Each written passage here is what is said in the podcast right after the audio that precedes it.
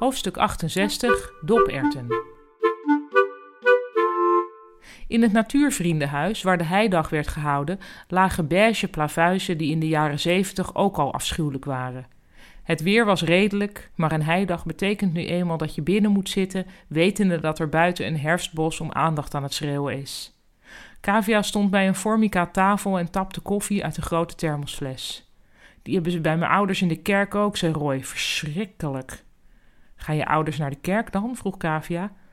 Hou op, zei Roy, die mensen leven in de kerk. Ik heb mijn ongelukkige jeugd weggegeten met van die gele zompcake in de ontmoetingsruimte na de kindernevendienst. Hij lachte, niet echt vrolijk. Kavia rook Enzo eerder dan ze hem zag. Wat is er? vroeg ze.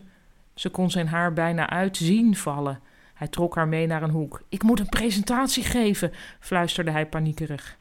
Ja, maar, maar dat kun je toch, zei Kavia. Ja, als ik die had voorbereid, zei hij. Ik wist van niks, tenminste, ik zie het nu wel in mijn agenda staan, maar daar had ik al een hele tijd niet in gekeken.